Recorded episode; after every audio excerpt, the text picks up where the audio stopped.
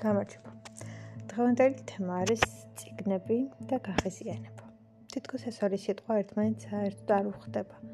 და ციგნები არის ის, რამაც უნდა მოგცეს განათლება, ცოდნა, გააღოს ახალი კარი, შესაძლებლობები. ვიაზროვნოთ უფრო უკეთ, ვიფიქროთ უფრო უკეთ, დავინახოთ უფრო მეტი. და ჩვენი შესაძლებლობები გაიზარდოს უფრო მეტად, უფრო კარგად, უფრო დახვეწილად ვფიქრობდეთ, ვაზროვნებდეთ, ვხედავდეთ, ვაანალიზებდეთ და გვეხმარებოდეს ცხოვრებაში. და ციგნებს წესით. კარგის მეტი, არაფერი არ უნდა მოხონდეს. და ეს არის ის, რამაც უნდა მოგვიტანოს ბედნიერება, სიხარული, განწყობა, ცოდნა, განათლება, ინტელექტი, შესაძლებლობები, მ არ ვიცი, ჩვენი გონებრივი შესაძლებლობები, ინტელექტუალური შესაძლებლობები და უფრო მეტად კარგად დახვეწილად ვაზროვნებდეთ, ვფიქრობდეთ და ჩვენი ჩვენი შეხედულებები, ჩვენი აზროვნება, ანალიზის უნარი, რაღაცების ერთმანეთთან დაკავშირება, რაღაცების აღმოჩენა, სიმბოლოების ზებნა, წაკითხვა და ამ ყოველფრის ძიება უფრო მარტივი უნდა იყოს. და შემდეგ ვფიქრობთ რატომ? ან რა შემთხვევაში უნდა გახდეს ციგნი?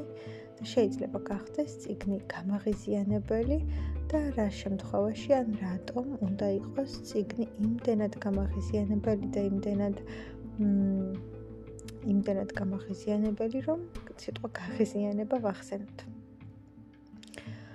ამ მე ციგნები ძალიან მიყვარს და მგონია და ვფიქრობ, რომ ჩვენი ცხოვრების განუყოფელი ნაწილია და უნდა იყოს კიდეც.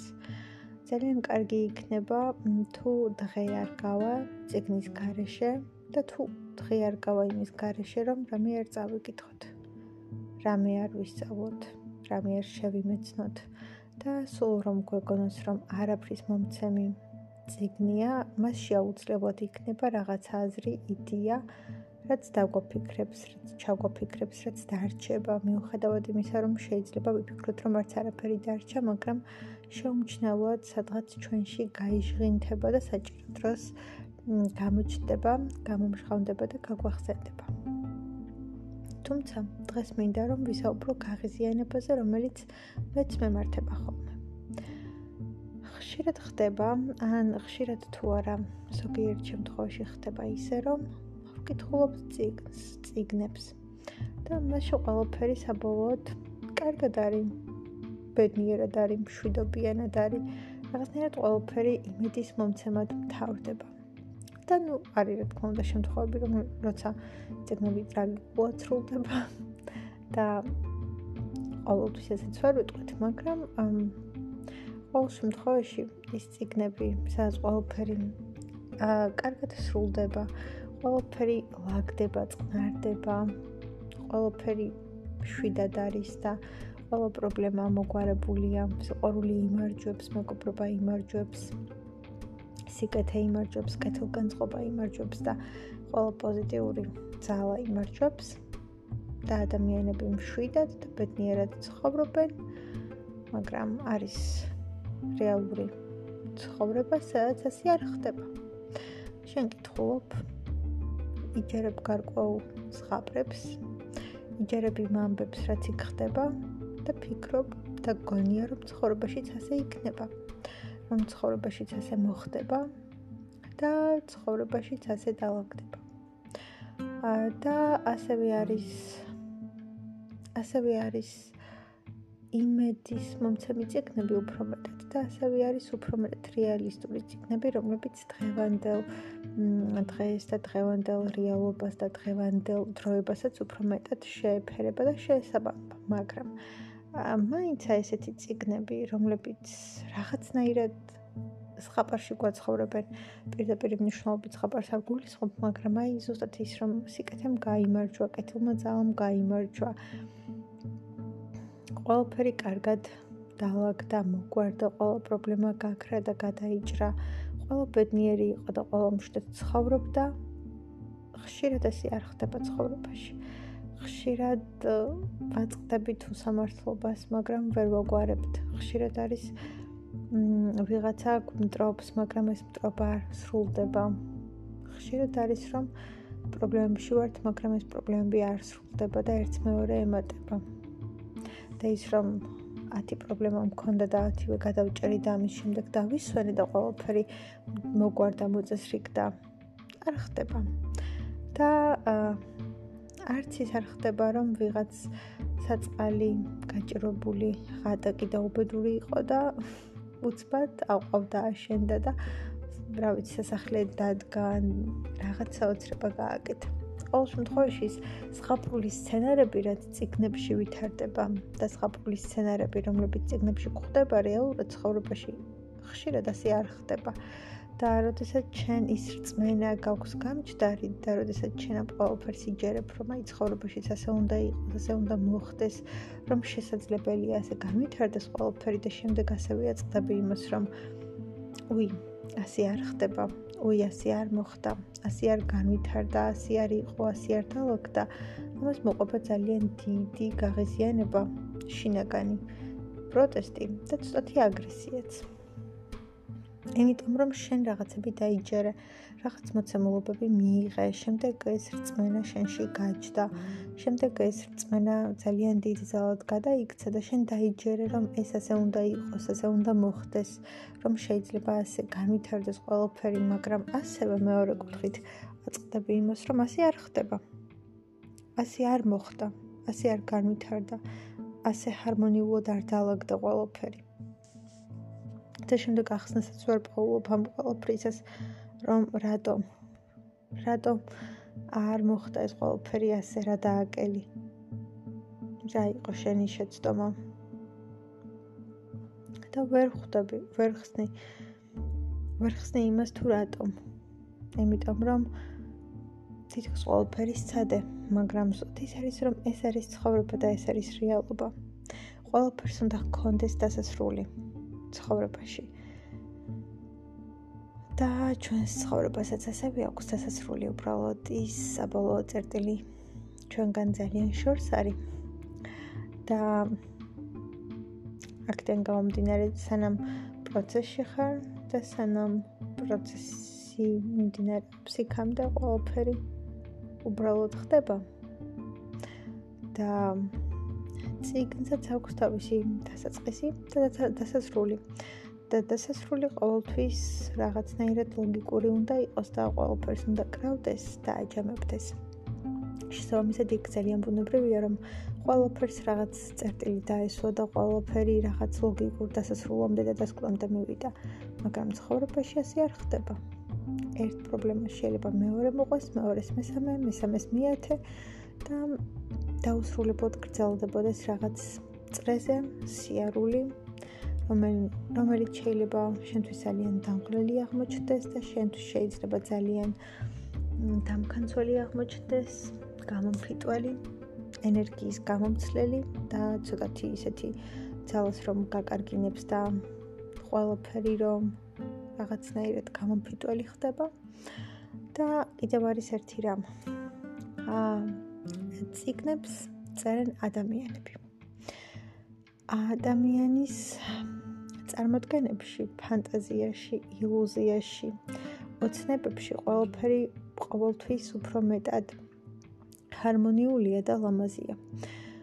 ჩვენ როდესაც ვფიქრობთ, ოცნებობთ და ჩვენს ილუზიებში ვართ და ჩვენს წარმოსახვებში ვართ და ჩვენი წარმოსახვის სამყაროში ვიმყოფებით, იქ ყველაფერი გაცილებით ლამაზია, გაცილებით ლამაზი და ბედნიერია და ყველაფერი ყველაფერი ჰარმონიულია. და იმდენად კარგია, რომ გასაოცრად კარგი.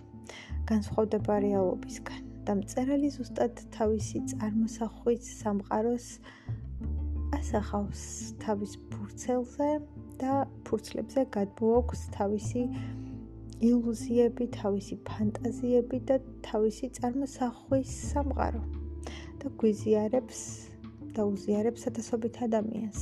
და რა თქმა უნდა, ის სამყარო ყოველთვის ჰარმონიულია, ბედნიერია და გაჯერებულია სხაპრული და ფანტასტიკური ამბებით. და შემდეგ ჩვენ ამას ვიზიარებთ, ვკითხულობთ და ჩვენც გვინდება ისეთი ცხოვრება, ან ისეთი ამბები და რეალობები, მაგრამ ისე ვაწყდებით იმას, რომ რეალობა განსხვავდება წარმოსახვისგან, ფანტაზიისგან, ზღაპრებისგან, ზღაპრული სამყაროსგან და რაც არ უნდა იყოს, რეალობა ვერასოდეს ვერ იქნება და ვერ გახდება ის ზღაპრული სამყარო, რომელიც ციგნის ფურცლებზეა ასახული. თუმცა არსებობს ციგნებიც, რომლებიც ძალიან რეალისტურია. აა ავტობიოგრაფიული ციგნები მაგალითად ჩანაწერები, დღიურები და მსგავსი რამ, სადაც ადამიანი თავის პირად გამოცდილებაზე და რეალურ ცხოვრებაზე წერს და შელამაზების გარეშე და ციგნები ასევე რომელსაც აქვთ ტრაგიკული დასასრული და საერთოდ დასრულდებიან ბედნიერად და იყო და არა იყო რას მსგავსად. და არ სრულდება სიტყვებით ჭირი ქალხინი აქა.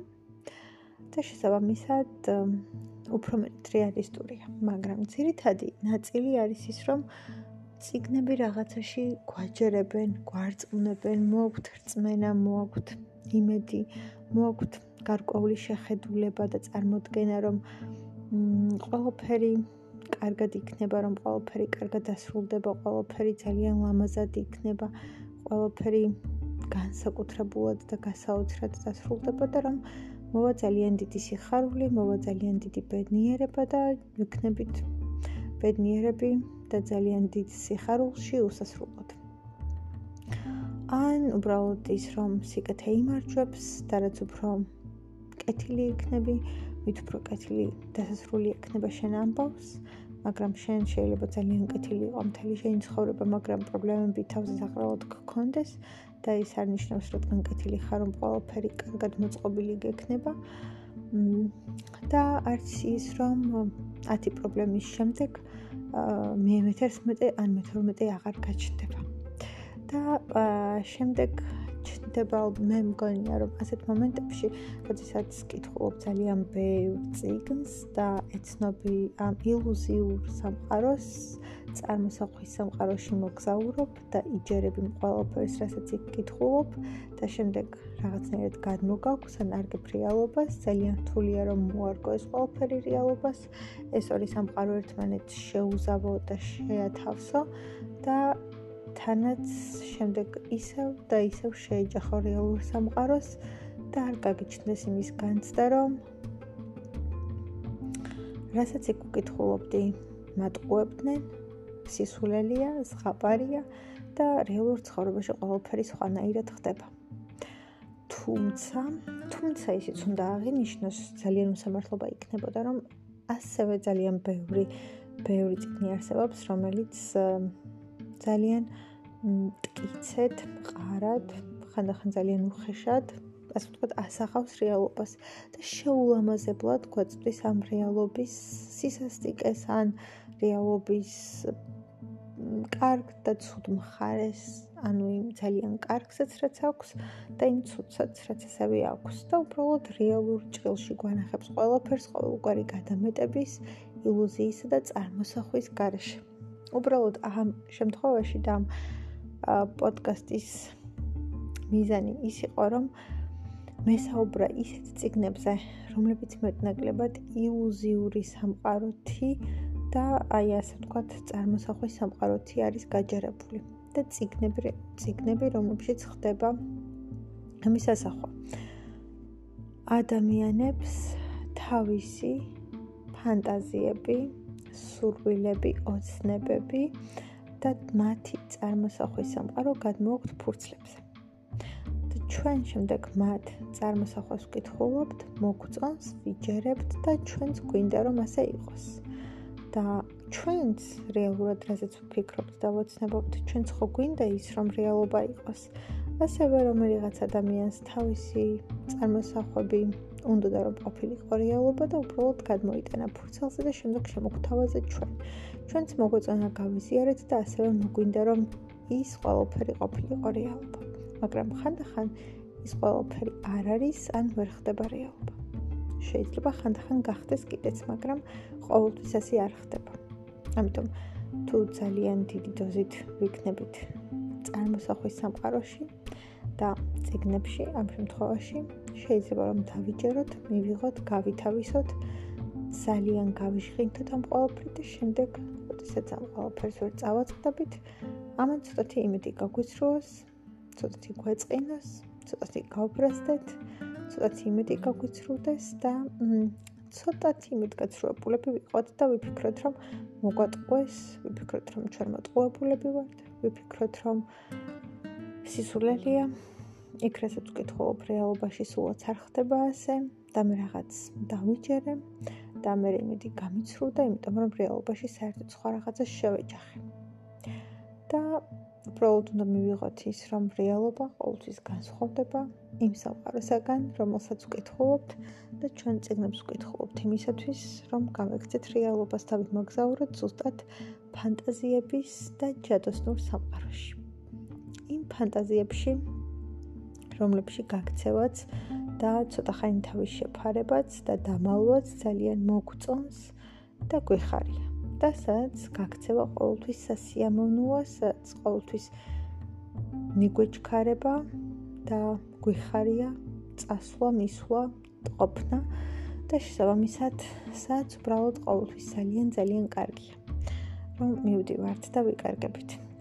და ხანდახან გშველის განსაკუთრებით მაშინ, როდესაც ვიხლებით რეალობისგან, პრობლემებისგან და სიმძიმისგან, მაგრამ ეს ყველაფერი ალბათ ისე არ უნდა დავიჯეროთ, რომ შემდეგ, როდესაც აქ დავბრუნდებით, ამ ყველაფერმა აგრესია გაგვიჩინოს. და არეული დაავდაობა გამოვიდა, თუმცა თავარი სათქმელი ალბათ ის იყო, რომ ხანდახან თუ ზეთმეტ გადავიჭერით ილუზიებში და ფანტაზიებში და ამ სამყაროში და იმდენად დავიჯერეთ, რომ მოგვინდა რაღაცები აქაც დავამკვიდროთ და მოხდეს და თუ ეს არ მოხდა, ამან შეიძლება ცოტა იმედი გაგვიცრუოს და შემდეგ პატარა აგრესიაც გაგვიჩინოს, რომ აა რატომ არ ხდება ასე? რატომ არ მოხდა ასე და შემდეგ უფრო მეტად გავბრასდეთ, მაგრამ უბრალოდ ეს ციგნია, რომელმაც თავისი ფუნქცია უნდა შეასრულოს, რომ წაგვიყვანოს, გამოგზაუროს და დაგვკარგოს ილუზიურ და წარმოსახვით სამყაროში. საიდანაც ცოტა ხანი დაგვავიწყოს და მოგწუტოს რეალობას. ან პირიქით ხანდახან იმდენად რეალური იყოს, რომ ზედმეტ შეგვეჯახოს რეალობას, მაგრამ გააჩნია რომელ ციგნს ავერჩევთ, რის მიხედვით, რა გვინდა, რას ვეძებთ და რა არის ჩვენი მიზანი. და ნუ ხანდახან ასეც ხდება. ციგნები, რომლებიც ასე ვთქვათ, იმდენად გვაჯერებენ ან გვაიმედებენ, რომ ბოლოს რაღაცნაირად იმედი გვიცრუდება და შემდეგ რაღაცნაირად აგრესიაც კი გვიჩნდება. თავარია ეს ორი სამყარო გავმიჯნოთ ერთმანეთისაგან მკვეთრად და ნათლად და ზუსტად ვიცოდეთ რა გვინდა, რა სველით და რა სვეწებთ. გისურვებთ სასიამოვნო კითხვას და რაც შეიძლება მეტ და უფრო მეტ კითხვას, იმიტომ რომ ეს არის ყველაზე სასიამოვნო პროცესი და ხანდახან როდესაც და თუ გაჩნდება მსგავსი აგრესია, ცოტა ხანი დავისვენოთ და შემდეგ ისევ მიუბრუნდეთ, როდესაც ძალიან მოგვენატრება ჯადოსნურ სამყაროში მოგზაურობა და სასწაულების ჯადოსნურების ჯადოქრობების და საოცრებების დაჯერება და ამ ოფრის გაზიარება.